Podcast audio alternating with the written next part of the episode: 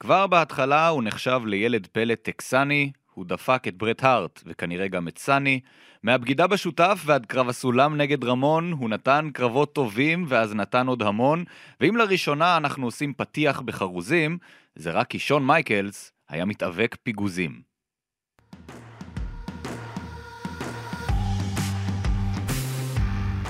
חמש רדיו, הפודקאסטים של חמש רדיו. גברים בטייץ. ניר קפלן וחברים מרביצים בכאילו.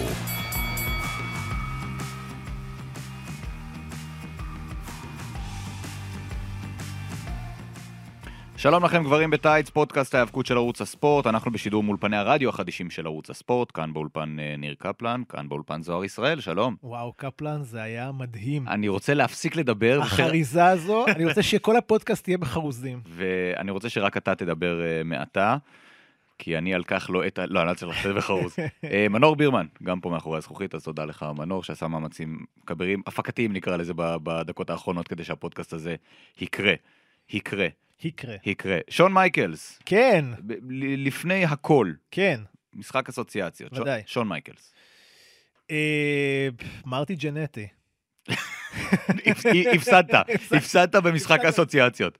באמת? אתה, מה, בגיל אתה זוכר? אני אה, צפיתי, לדעתי, הקרב הראשון שראיתי של שון מייקלס, כמובן בתור The Rocker, זה יחד עם אה, ג'נטי, היה איפשהו, ב- היה להם feud עם ה Orient Express. נכון, איפשהו ב-90, 91 כזה. וקלטו אצלנו את הערוץ הבריטי ששידר לחיילים ב- במפרץ, בעיראק. די. היה גם Sky 1 שם איפשהו. והיה לנו WWF Superstars ו-WWF Challenge. וואו. ואני זוכר קרב שראיתי של The Rockers נגד ה Orient Express, וזה היה מדהים. זה היה קרב שכולו ריקוד אחד גדול, כי זה שתי, אה, אה, שני tag team ים שהם שניהם אה, אתלטים, וקופצים ו- ו- ותרגילים משותפים שאתה לא רואה היום הרבה כאלה, וזה היה פשוט נהדר עם מיסטר פוג'י בצד של ה Orient Express. ואני חושב שה Orient Express ניצחו את הקרב הזה שראיתי, היה אחר כך feud ארוך שנים, אבל הדבר ש... ארוך שנה, אולי. ארוך שנה אולי, אבל אה, כמה חודשים אחר כך היה אה, הבגידה הגדולה של מייקלס במרטי ג'נטי, שגם כן ראיתי בשידור אה, אצל ברוטוס דה ברבר ביף קייק בברבר שופ, שהוא דפק למרטי ג'נטי את הראש במראה. אתה ראית ראיתי- בזמן אמת את ראיתי ה Barber Shop? אה, בזמן אמת את ה Barber Shop. ואתה בן כמה? 16? אה, אתה לא איזה ילד ש- שנחרד, אוי ואבוי לא, מרטי לא, לא, ג'נטי לא, לא. מת. זה היה אחד מרגעי ה-WWE, אחת מהבגידות ה- המפורסמות והגדולות ש- שהיו. זאת אומרת, ה- אתה ידעת שזה מגיע כי היה לפני איזה קרב tag team ששון מייקלס סירב לעשות tag לג'נטי ורצה את הקרב הזה לבד. נגד ה Nasty Boys, כן, לדעתי. והיו כל מיני ויכוחים על למה אנחנו מפסידים ולמה אנחנו לא אלופים וכל זה. והכל הצטבר לקראת המפגש הזה אצל ה Barber Shop, שניסו, הוא ניסה כאילו לתווך ביניהם ולהשכין שלום בית, וזה היה נראה כאילו שון מייקלס מסכים. ואז Sweet Chin Music ודפיקת הראש בראי, ושון מייקלס אה, נולד, כמו שאנחנו מכירים אותו. מה שיפה בכל הקטע הזה, זה ששון מייקלס מגיע עם ז'קט אור בלי חולצה מתחת. נכון. אז אתה יודע ש face הוא לא יהיה בסוף הסיפור הזה. לא, כן, כן, כן. הוא לבוש כמו היל. הוא, אה, בנו אותו בתור היל כבר בגלל כל מה שהוא אה, דיבר, ומרטי ג'נטי, שאז עוד חשבו שגם הוא יוכל לפתח קריירת יחידים אה, נחמדה. היה על תקן הכי פייס פה, ובוא אני רוצה, ובוא נעשה, ופה ושם. והקטע הזה הוא באמת לדעתי עד היום אחד הקטעים האיקונים שיש, ב, ב, בוודאי בפינות הראיונות השונות שיש ב-WWE. בהחלט, גם שנים מאוחר יותר, היה קטע בין שון מייקלס לקריס ג'ריקו. אני מדבר איתך לפני שבע, שמונה שנים כזה. ואיך קריס ג'ריקו בוגד בשון מייקלס, הוא דופק לו את הראש במסך של הטלוויזיה נכון. של הג'ריקוטרון, שזה גם אה, הומאז' לזה. אה, שמע, זה היה מאוד לא... אה, דיברת תקופה ילדותית וזה, וזה היה מאוד שונה, ולא ראית דברים כאלה. כלומר, כשקרה דבר כזה ב-WWF אז, אז זה היה... אה, זה היה big deal מאוד גדול בולט, מאוד. כן. ומה שעוד יותר מעניין, או שמעניין באותה מידה, זה כשה Rockers אה, פרצו, דיברו על מרטי ג'נטי ככוכב הגדול. כלומר, יש את מרטי ג'נטי הכוכב, הוא הג'ורג' מייקל, כן. ושון מייקלס הוא האנדרו... רידג'לי. וויר- רידג'לי. כן. למה חשבתי ויגינס? מי זה אנדרו ויגינס? אדרו ויגינס, הוא לא שחקן כדורסל או משהו? NBA, NBA, NBA, NBA, סליחה, אני, אני בעולם אחר כרגע. אה, אז מרטי ג'נטי היה אמור להיות הכוכב הגדול, וזה לא... כמה קוק ששון מייקלס עשה, מרטי ג'נט הצליח לעשות יותר. נכון. אז אה, הוא הסתבך מאוד אה, באותה תקופה. שמע, אני, כש, כשזה קרה, הייתי בן שלוש. אז עוד לא ראיתי, עוד לא ראיתי... אה, אז רגע, נחשפת לשון מייקלס רק בתחילת שנות האלפיים כזה? לא, לא, אני, אני לא בן שש, אני, אני כן, כן צפיתי בשנות התשעים. רסלמניה 9, זה הקרב הראשון שראיתי, הקרב הראשון, אשכרה, כלומר שון מייקלס וטטנקה יוצאים ביחד. אה, ראיתי את זה עם אחי הגדול, שהיה אז בן... אה, רסלמניה 9 בלאס וגאס? בלאס וגאס נבדה, בסדר יואו. עם קלי נגד אה, טייקר זה היה שם ב main? אה, ג'יינט גונזלס, ג'יינט גונזלס. סליחה. אה, יש לנו פודקאסט שלם על רסלמניה 9, וחבל. שלא האזנת לו. לדעתי זה הרסלמניה הגרועה בהיסטוריה. אה, אין ספק שזו הרסלמניה הגרועה בהיסטוריה, אה, ולכן שווה להאזין לפודקאסט אגב, כי, כי מה שקרה מאחורי הקלעים היה עוד יותר גרוע ממה שהיה מלפ... מלפניהם. אה, אז אני- אני זוכר את הקרב נגד טטנקה, אה, ושוב, ברמה הכי פשוטה של ילד שרואה האבקות בפעם הראשונה, הוא רואה משחק כדורגל בפעם הראשונה Mhm. לצורך העניין, עולה הטוב עולה הרע, אחי הגדול הוא בעד הטוב, ואני בפיוד עם אחי הגדול, אז אני בעד הרע. ואז אתה רואה אותו ואתה אומר, בואנה, יש בו משהו אחר. נכון. כלומר, אפילו הדמות שהיא כאילו ההיל השחצן, אה, כל הבנות אוהבות אותי, כל הבנים רוצים להיות כמוני, אפילו את זה הוא עשה בצורה קצת יותר טובה מכולם, קצת אחרת מכולם. אה, ואז הוא באמת, אה, בעיניי זה, זה מה שגרם לו להתבלט אולי אפילו יותר מסגנון ההיאבקות. הקרב הכי טוב של שון מייקלס בעיניך? חשבתי על זה לפני ה pod, יש לי שלושה ברשותך, אם אני יכול לדרג לא, אותם. אחד, סתם. אני אדרג שלושה. אה, הקרב השלישי, מספר שלוש, זה קרב הסולם נגד רייזור רמון ברסלמניה 10. אוקיי, בעיניי, שלא יודע אם רבים זוכרים את רסלמניה 10, זה היה רק הקרב השני הכי טוב באותה רסלמניה. אוון נגד ברט יותר אוון טוב נגד בעיניך? ברט היה קרב מדהים בעיניי, לדעתי אולי top 10. אה, כל ever, הזמנים. כל הזמנים, אוון נגד ברט ברסלמניה. הקרב השני, אפרופו ברט, זה היה Iron Man נגד אה, ברט הארט. אוקיי, בחירה מעניינת, נגיע אליה. למה? כי זה נחשב לקרב משעמם. הוא פשוט מאוד מאוד ארוך. אני לא זוכר אותו כקרב משעמם, אני זוכר אותו כקרב מאוד דרמטי, בטח עם ה overtime שהיה צריך, כן, ועם מה שקרה לילה אחר כך ב Raw. אוקיי. אה, ו- אבל הקרב מספר אחד לדעתי, שהוא אחד מהקרבות, הוא top five בכל הזמנים, אולי אפילו top שלוש, זה אה, שון מייקלס נגד אנדרטייקר הראשון. הר- הראשון? הראשון? כלומר ברסלמניה, לא כן. LNSL, כן. לא, לא, לא, הרסלמניה הראשון, כן, סליחה. אה, היו שתי רסלמניות back to back, כן, הראשון, הרסלמניה הראשון של אה, טייקר נגד מייקלס, קרב, תקשיב, מהפתיח, שהוא בשחור והוא בלבן ויורד מהתקרה, דרך כל הסיפור שהקרב הזה סיפר, ועד הסיום שלו, שלרגעים באמת חשבת, שמי, אני חושב אולי, הרי כמעט כל קרב של טייקר ברסלמניה בעשר שנים האחרונות, אתה אומר, טוב, עכשיו ייגמר ה streak, וזה היה ממש כאילו, קנית שתכף זה נגמר, וזה קרב אדיר בעיניי. הרשה לי לחלוק עליך לא top 3 בכל הזמנים, top 1 בכל הזמנים הקרב הזה. אין קרב כמו שון מייקלס אנדרטקר ברסלמניה 25. לא היה, לא יהיה. ברמת האייקונים אפילו, כלומר הניגוד, אמרת הסיפור, השחור והלבן, ה streak, כלומר, שם אולי אפילו היה צריך לסיים את ה streak, ה streak, כי זה היה הכי מתאים שם. מסכים איתך, אני חושב שברט נגד אוסטין סיפר סיפור טוב ממנו, ולכן הוא אולי מתעלה עליו. אבל לא, לגמרי, אנחנו סגורים על זה שזה קרב ב top שלושה של כל הזמנים. אוקיי, אוקיי, אני, אני, אני זורם איתך על זה. אני חייב עוד מילה על ה Iron Man נגד ברט הארד ב-96. כן. כשאתה עושה ב-96 קרב של שעה, ואז מוסיף עליו overtime, ובכל השעה הזאת אין אפילו ריתוק אחד, אין הכנעה אחת, אין פסילה אחת, הם מסיימים ב-0-0. למי שלא יודע, קרב איירון מן זה קרב שהוא כמו אה, משחק ספורט, כלומר מי מנצח יותר במהלך זמן Mhm. מוקצב.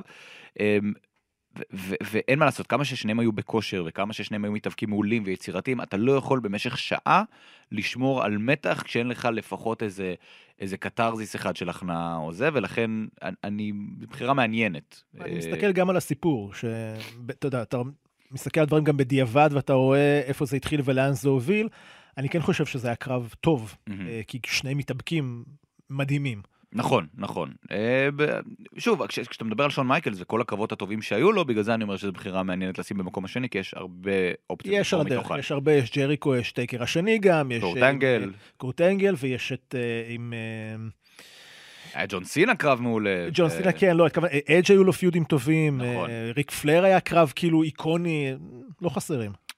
אה, לא חסרים, לא חסרים, ו... ושוב, כשאתה מנסים לשים את האצבע, למה הוא היה כל כך טוב? כלומר, מה איחד את שון מייקלס כמתאבק? אני, שוב, בעיניי זה יותר הדמות מאשר המתאבק, כמה שהמתאבק מדהים. אבל כמתאבק מדהים. אני חושב שמייקלס הוא מתאבק מדהים ועדיין היה מתאבק מוגבל, לא היה לו שום, אה, שום דבר על, על המזרון, לא היה לו ריתוקים, לא היה לו, לא היה לו הכנעות, לא היה לו כלום. הוא היה אתלט, הוא ידע למכור דברים מצוין, הוא ידע לספר סיפור שמעטים יודעים לספר סיפור כמוהו, כמתאבק אה, per se, היו הרבה מוכשרים ממנו. קורט אנגל נגיד מוכשר ממנו בהרבה.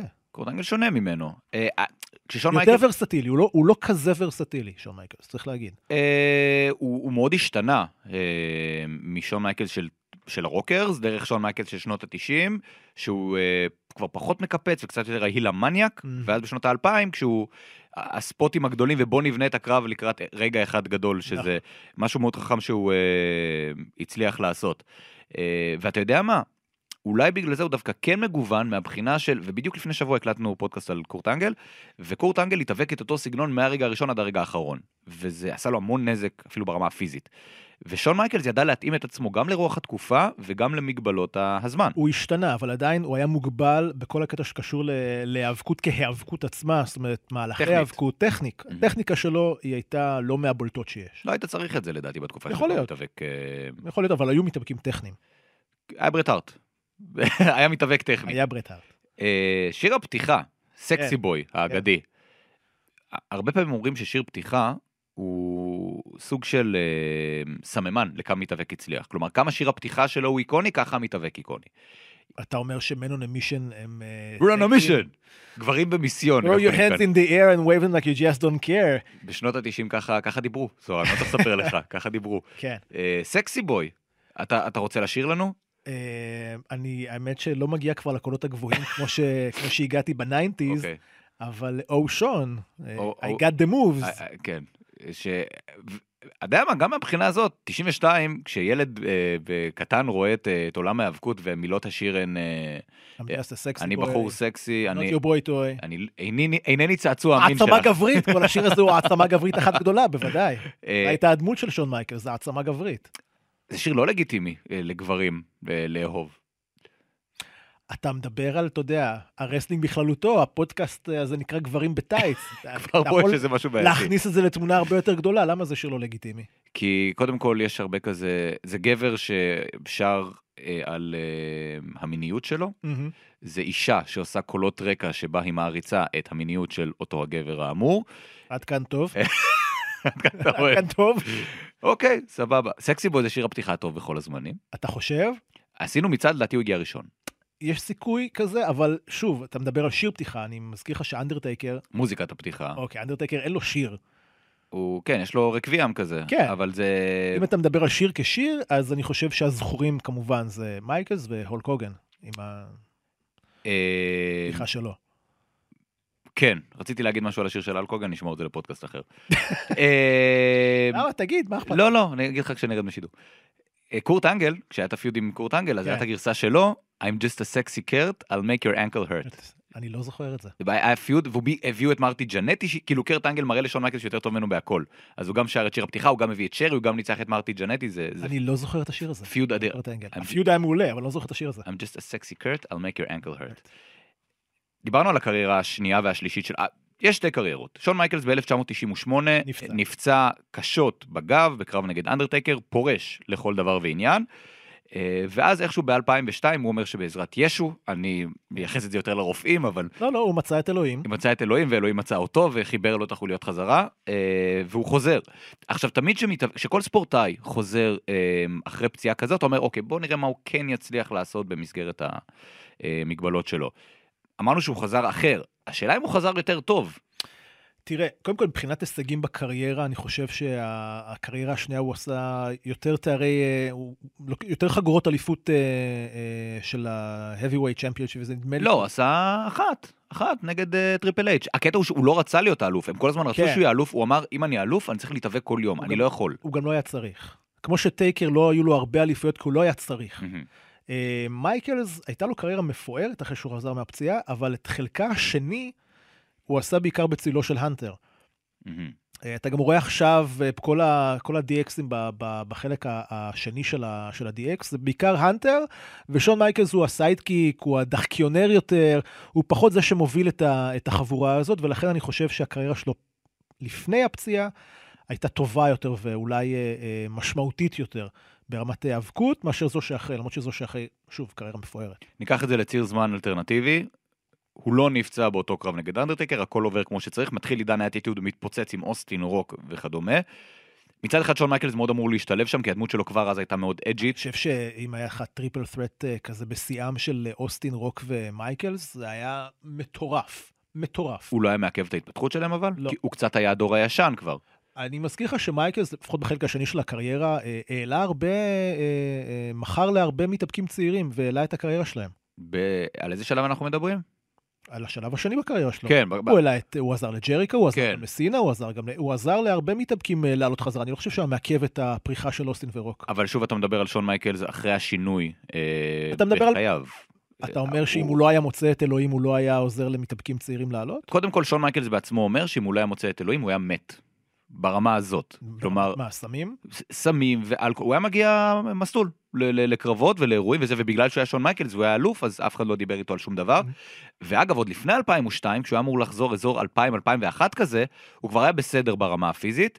אה, היה אמור להיות פיוד לדעתי עם הנטר, והוא הגיע מסלול פעם אחת יותר מדי. פעם אחת פשוט אמרו, טוב, אתה הולך הביתה, אנחנו לא מתעסקים מזה, ואם תחשוב שה-WWE של שנת 2000, כן. אומרים אתה מסטול מדי, תחשוב כמה מסטול כן, אתה כן, צריך כן. להיות.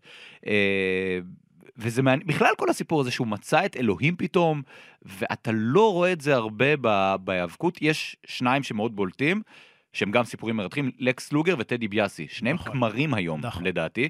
אה, ויש בזה משהו שהוא מאוד הגיוני, כי אתה חי את סדום ועמורה במשך כל החיים שלך, ואתה צריך את האנטיתזה הזאת, ומצד שני, תחשוב לאיזה תהום אתה צריך לרדת, כדי שהדבר היחיד שיכול להרים אותך חזרה זה אלוהים. היה לו זמן. בזמן, היה לו זמן לחשוב ולעשות איזשהו חשבון נפש ולהבין לאן הגעתי ואיפה פה ואיפה שם. התחתן גם אה, באותה תקופה לדעתי, אתם בפעם השנייה. בפעם השנייה, כן. שאשתו אז גם כן עזרה לו ב- בהתקרבות אה, לאלוהים. וכשאתה נמצא בחווה מבודדת בטקסס, או איפה שזה לא יהיה, ויש לך זמן לחשוב על כל הדברים שקרו לך בקריירה ומה מה הוביל אותך לעכשיו, בטח שמי שסיים לך את הקריירה באותה תקופה היה אדם שהוא קברן. יש פה איזה סמליות. אה, אתה אומר, אוקיי, בוא, ננסה למצוא איזה כיוון בחיים שיעזור לי. אני לא רוצה למות, אני לא רוצה שישכחו ממני בגיל כל כך צעיר יחסית. אז כן, יש הרבה, הרבה אנשים ש, שמוצאים את אלוהים ונתלים בדבר היחיד שהם יכולים להתעלות בו, שהם יכולים כאילו לדבר איתו נונסטופ ואולי לקבל תשובות אה, שהם חיפשו ונמצאות בעצמם. וכן, זה יכול לעזור. עד שזה מגיע לשלב שה tag team partner שלך הוא אלוהים בקרב נגד וינס ושיין מקמן. כן, כן, בסדר. יש קרב, לא, אני, אני רוצה להתעקש על הנקודה הזאת, יש קרב אה, בין וינס מקמן לשיין מקמן, ו- ושיין ושיין מקמן מקמן. לשיין, לשון מייקלס ואלוהים. השותף שלו הוא אלוהים, ויש זרקור שמואר בפינת הזירה. חפשו את זה, אני מתחנן בפניכם, חפשו את זה. לא הדבר המופרך ביותר שנעשה בזירת היאבקות. בגלל זה אנחנו אוהבים את הענף הזה, בגלל זה אנחנו בטייץ.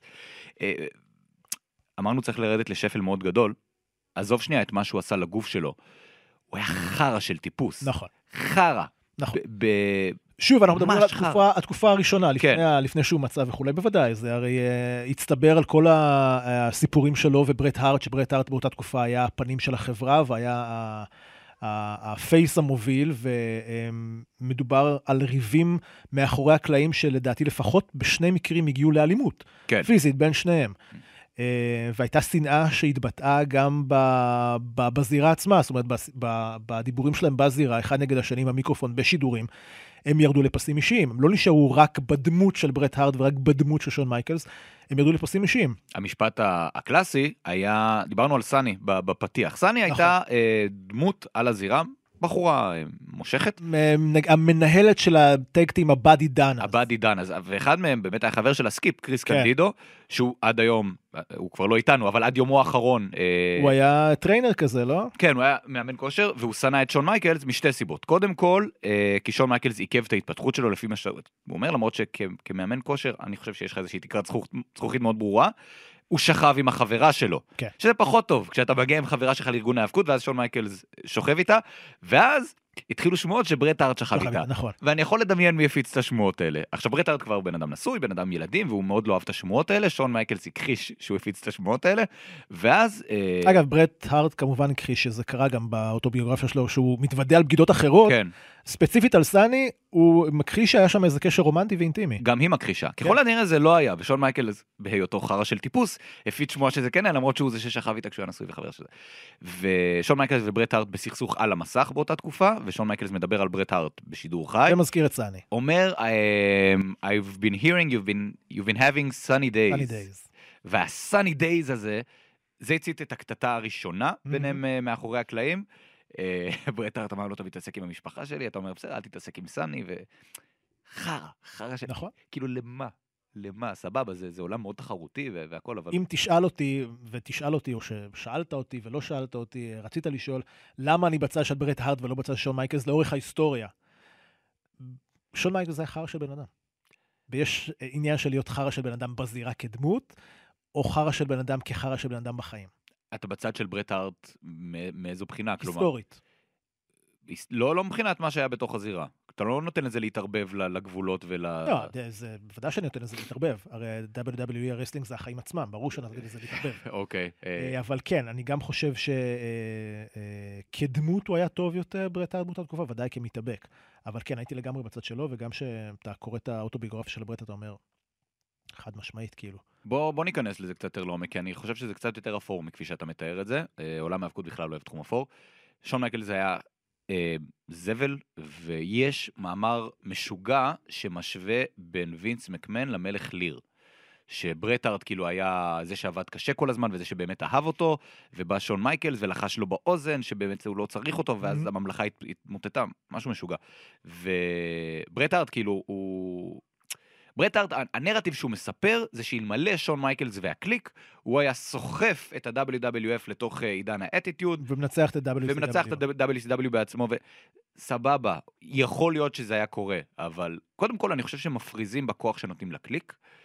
כלומר, אתה לא יכול לקחת ארבעה מתאבקים אה, חזקים פוליטית ככל שיהיו, ושהם ישפיעו על וינס מקמן שיעשה משהו, מה שהם רוצים. אני חושב שגם וינס מקמן באיזשהו מקום קצת ירד לו מברט הארט באותה תקופה לטובת שון מייקל. יכול להיות. אה, זה משהו שקורה לווינס מקמן אחת ל, שהוא אה, מעלה, מעלה, מעלה מישהו, ובשלב מסוים יורד לו ממנו, והמישהו הזה יכול ללכת לקיבינימט, אבל הבעיה, הבעיה. עם ברט הארט פשוט זה היה קשה יותר לעשות, כי ברט הארט באמת באותה תקופה היה הפנים של החברה, שכולם כמעט עזבו אה, ל-WCW, היה לך את דיזל ורייזור, והוגן שעזב, ועוד אחרים, והוא נשאר בעצם מי שסוחב באמת על עצמו את החברה באותה תקופה. מייקלס זה היה ה- ה- ה- ה second dog, מה שנקרא, באותה תקופה, וחשב שהוא יכול לעשות אה, יותר מזה, ואני מניח שאכן כן לחש על אוזנו של וינס, וקידם את עצמו לאט-לאט. זה לא לגיטימי? לגיטימי זה כן. אוקיי. זה היה, אה, הדמות של מייקלס באותה תקופה לדעתי גם פנתה יותר לקהל צעיר, מה שברט פחות. ברט יותר דיבר על אה, אה, אמריקה וקנדה ודגלים והכל, ומייקלס היה הבחור הצעיר והשובב וחובב אנשים, וברור שאתה פונה לקהל צעיר יותר, וכשאתה מתחרה בחברה צעירה יותר, אתה צריך להראות פרצוף צעיר יותר בצד שלך. אה, זה לא אומר ש, שמה שהוא עשה זה משהו, אתה יודע, מוסרי. אה, אוקיי, הוא הפעיל פוליטיקה מאחורי כן. הקלעים. בהרבה מאוד ארגונים, בטח בארגון כמו WWE, מופעלת פוליטיקה מאחורי הקלעים. אה, וברט פשוט יוצא מאוד מריר באותה תקופה. קשה להיות בצד של האיש המריר. Mm. כלומר, תילחם חזרה, תלחש גם אתה על אוזנו של וינס. אני לא בטוח שהוא לא עשה את זה. ואם זה לא עבד לו, אז אולי אה, יש דברים בגו. בסדר? אנחנו נגיע למונטריאל סקרוג'ר עוד מעט. בוא נגיע עכשיו. בוא נגיע עכשיו. אז זו אותה תקופה שכבר אה, עברו מתאבקים מה-WW ל-WCW. המון. עם, המון, וחלקם עם חגורות של ה-WWF. הסיפור והציג- המפורסם זה אלונדרה בלייז, כן. הייתה אלופת הנשים של ה-WWF, בעודה אלופת הנשים הולכת ל-WCW וזורקת את החגורה והציגה את לפח, החגורה וזרקה אותה לפח. בשידור חי. והיה חשש גדול שברט הארט כאלוף ה-WWF באותה תקופה יעשה מהלך דומה, כי כבר היה לו, הוא, הוא כבר היה בסיום חוזה. ולמרות שהוא הבטיח לווינס, הוא כבר חתם לדעתי ב-WCW. כן, כן, כן. הוא היה חתום. הוא, ידעו, ידעו על תאריך אה, סיום חוזה ומעבר, והחשש הכי גדול של אה, וינס היה שברט יעבור בעודו אלוף ה-WWF ויעשה כמעשה על אלונדרה בר- אה, בלייז, וב Monday Nitro יציג את החגורת האליפות וישליך גם אותה לפח. ברט הבטיח לו שזה לא יקרה, ואמר לו, אנחנו עכשיו הולכים לקרב במונטריאול, תעשה, אני לא רוצה להפסיד מול הקהל הביתי שלי, אני מוכן למחרת להפסיד לברוקלין ברולר את חגורת האליפות. אבל לא במונטריאול ולא לשון מייקלס. בדיוק. היה פה כבר משהו קצת יותר אישי. אני חושב שזה יותר הדגש על המונטריאול. אני לא רוצה אוקיי. מול הקהל הביתי שלי להפסיד את החגורה, למחרת אני אעשה מה שאתה רוצה, איפה שאתה רוצה, מול מי שאתה רוצה, אה, תן לי את זה. ווינס אמר לו, בסדר. ואז... אה, אממה. אממה. אה, ואז הגיע הקרב המפורסם במונטריאול, ובשלב מסוים שון מייקלס עושה לברט הארט את ה sharpshooter, שזה חלק מתכנון הקרב, והיה ברור שברט אמור להיחלץ מזה, בין אם לגעת בחבלים או לעשות איזה תרגיל לעשות הפוך. sharpshooter הפוך, לעשות- זה היה התכנון. זה היה sharpshooter הפוך. ולהפתעתו הרבה, השופט ארל הבנר, בשנייה שמייקלס עשה את השארפ שוטר, צלצל לפעמון, אמר שברט נכנע וסיים את הקרב.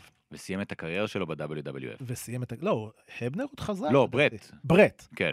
סיים את הקריירה שלו. ב- הבנר, אגב, אחר כך הסתבך כי הוא מכר מרצ'נדייז אה, מאחורי הגב של וינס. זה נכון. סיפור מטורף. זה סיפור אחר. כן. והיו סרטים כמובן גם על המונטריאל סקוג'ה, ואתה רואה את ברט הארט אה, יורק על וינס מקמן מהזירה, ומאחורי הקלעים ידוע שהוא נתן לו אגרוף אה, מצלצל מאוד בפנים. ומייקלס כמובן אה, כל הזמן אמר, אני לא ידעתי.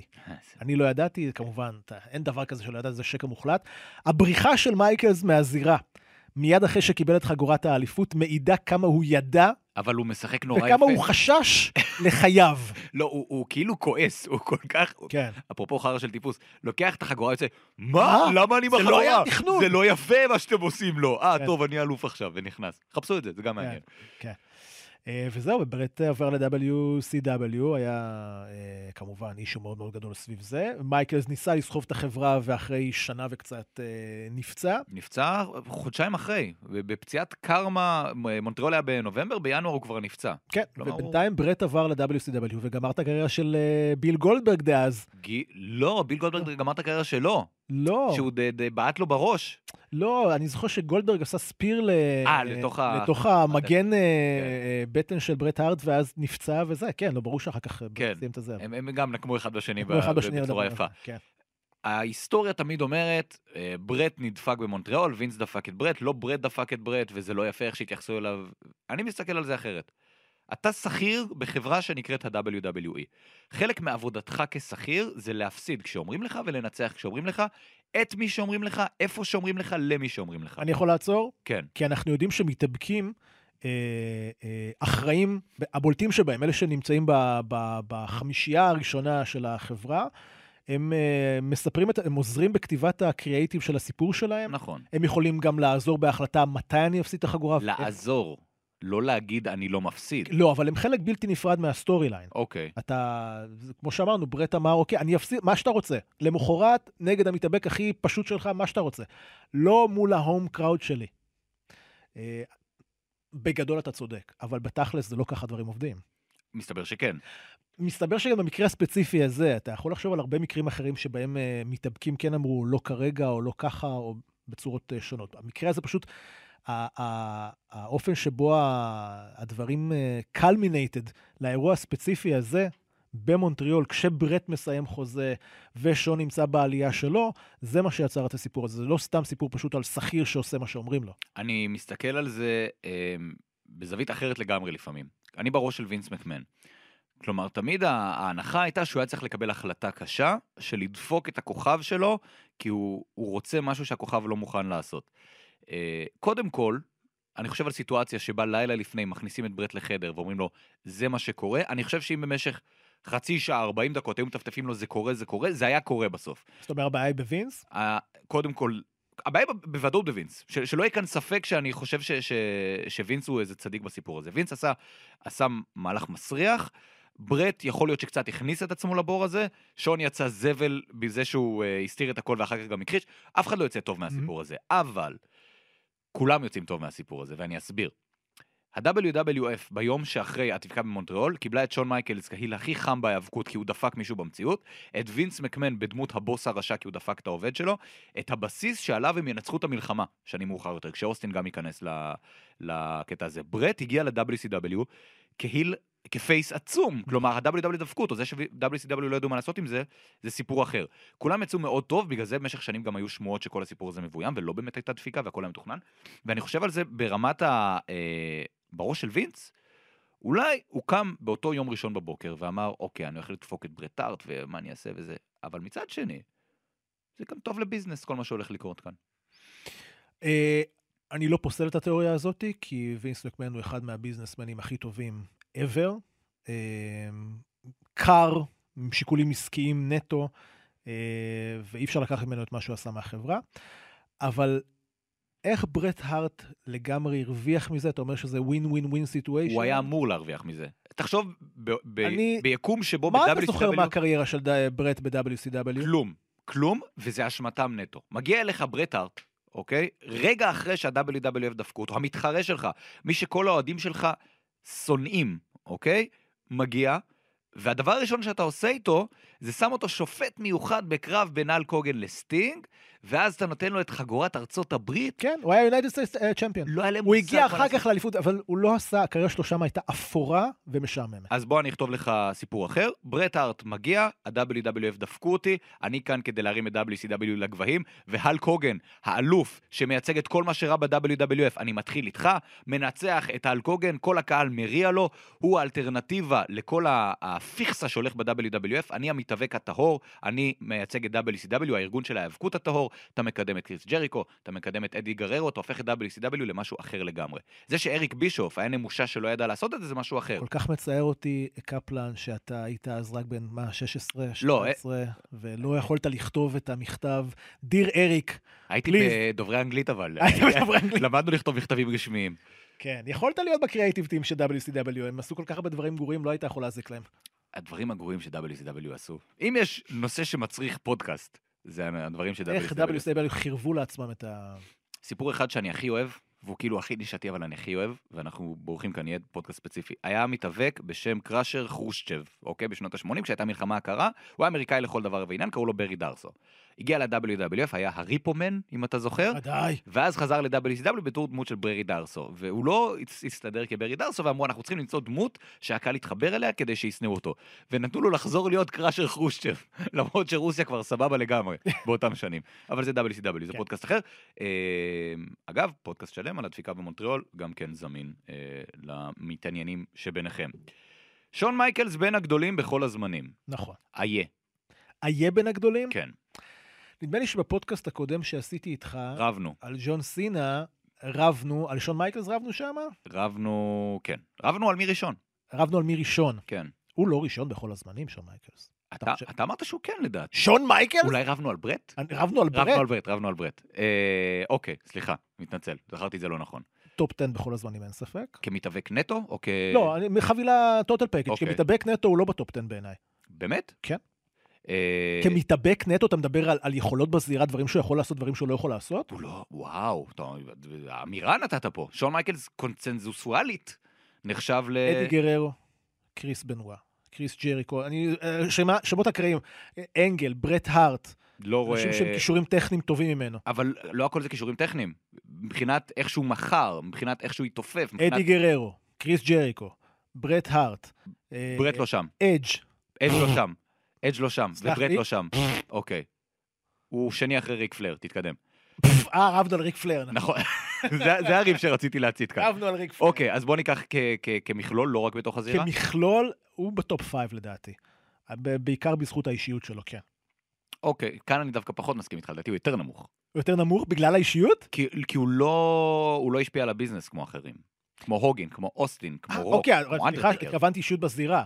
מה זה אישיות? כ- כריזמטי. כריזמטי בזירה. ברור שאם אתה מדבר על מכלול ואיך הוא השפיע על ה business וזה, לא, יש הרבה לפניו. נכון. לפניו, ברט לפניו, טייקר לפניו, הוגן לפניו, פלייר יכול להיות לפניו. Yeah. אה, כן, עכשיו שאתה מדבר על אה, כריזמה בזירה. לא, לא, אם אתה מדבר... אם אתה מדבר על חבילה שלמה של כישורים טכניים, אה, אה, כריזמה בזירה ואיך הוא השפיע על ה business, הוא לא ב top חמש. חד משמעית. רוק לפניו, דרך אגב, גם. מבחינת מה? במכלול? במכלול, במכלול, במכלול, אני מסכים איתך. דה רוק עשה ל business של ההיאבקות יותר ממה שמייקלס עשה. כן, אין עידן שון מייקלס. יש לא. לך עידן הוגן, עידן ברט, עידן אה, אוסטין, עידן רוק, נכון. עידן טריפל אץ', עידן ג'ון סינה אפילו. כן. אה, ואין לך עידן אה, שון מייקלס. לדעתי ברמת הבתוך הזירה, מבחינת מתאבק שהיה לך כיף לראות את הקרבות שלו, אתה חייב לשים אותו ב top five. נכון. אתה, אתה מעדיף לראות קרב של אדג' על פני קרב של שון מייקלס? לא. וקרב של קריס בנואה על פני קרב של שון מייקלס? לא. לא, אבל. אה, יש אחרים שאולי כן. פלייר. אבל זה, אנחנו עוד נריב. כן. אנחנו, כתבתי ב lineup שאנחנו צריכים לריב, כי אתה חושב שהוא ב- הגדול בכל הזמנים. זכרתי את זה ככה, אבל לא. זה היה ברט. אז בפודקאסט על ברט נריב על זה. זוהר ישראל, תודה רבה. קפלן, תודה. אה, מנור בירמן, תודה רבה גם לך, במיוחד על מה שעשית לפני שהפודקאסט התחיל. אני ניר קפלן, ואנחנו נתראה ונשתמע בפודקאסטים הבאים.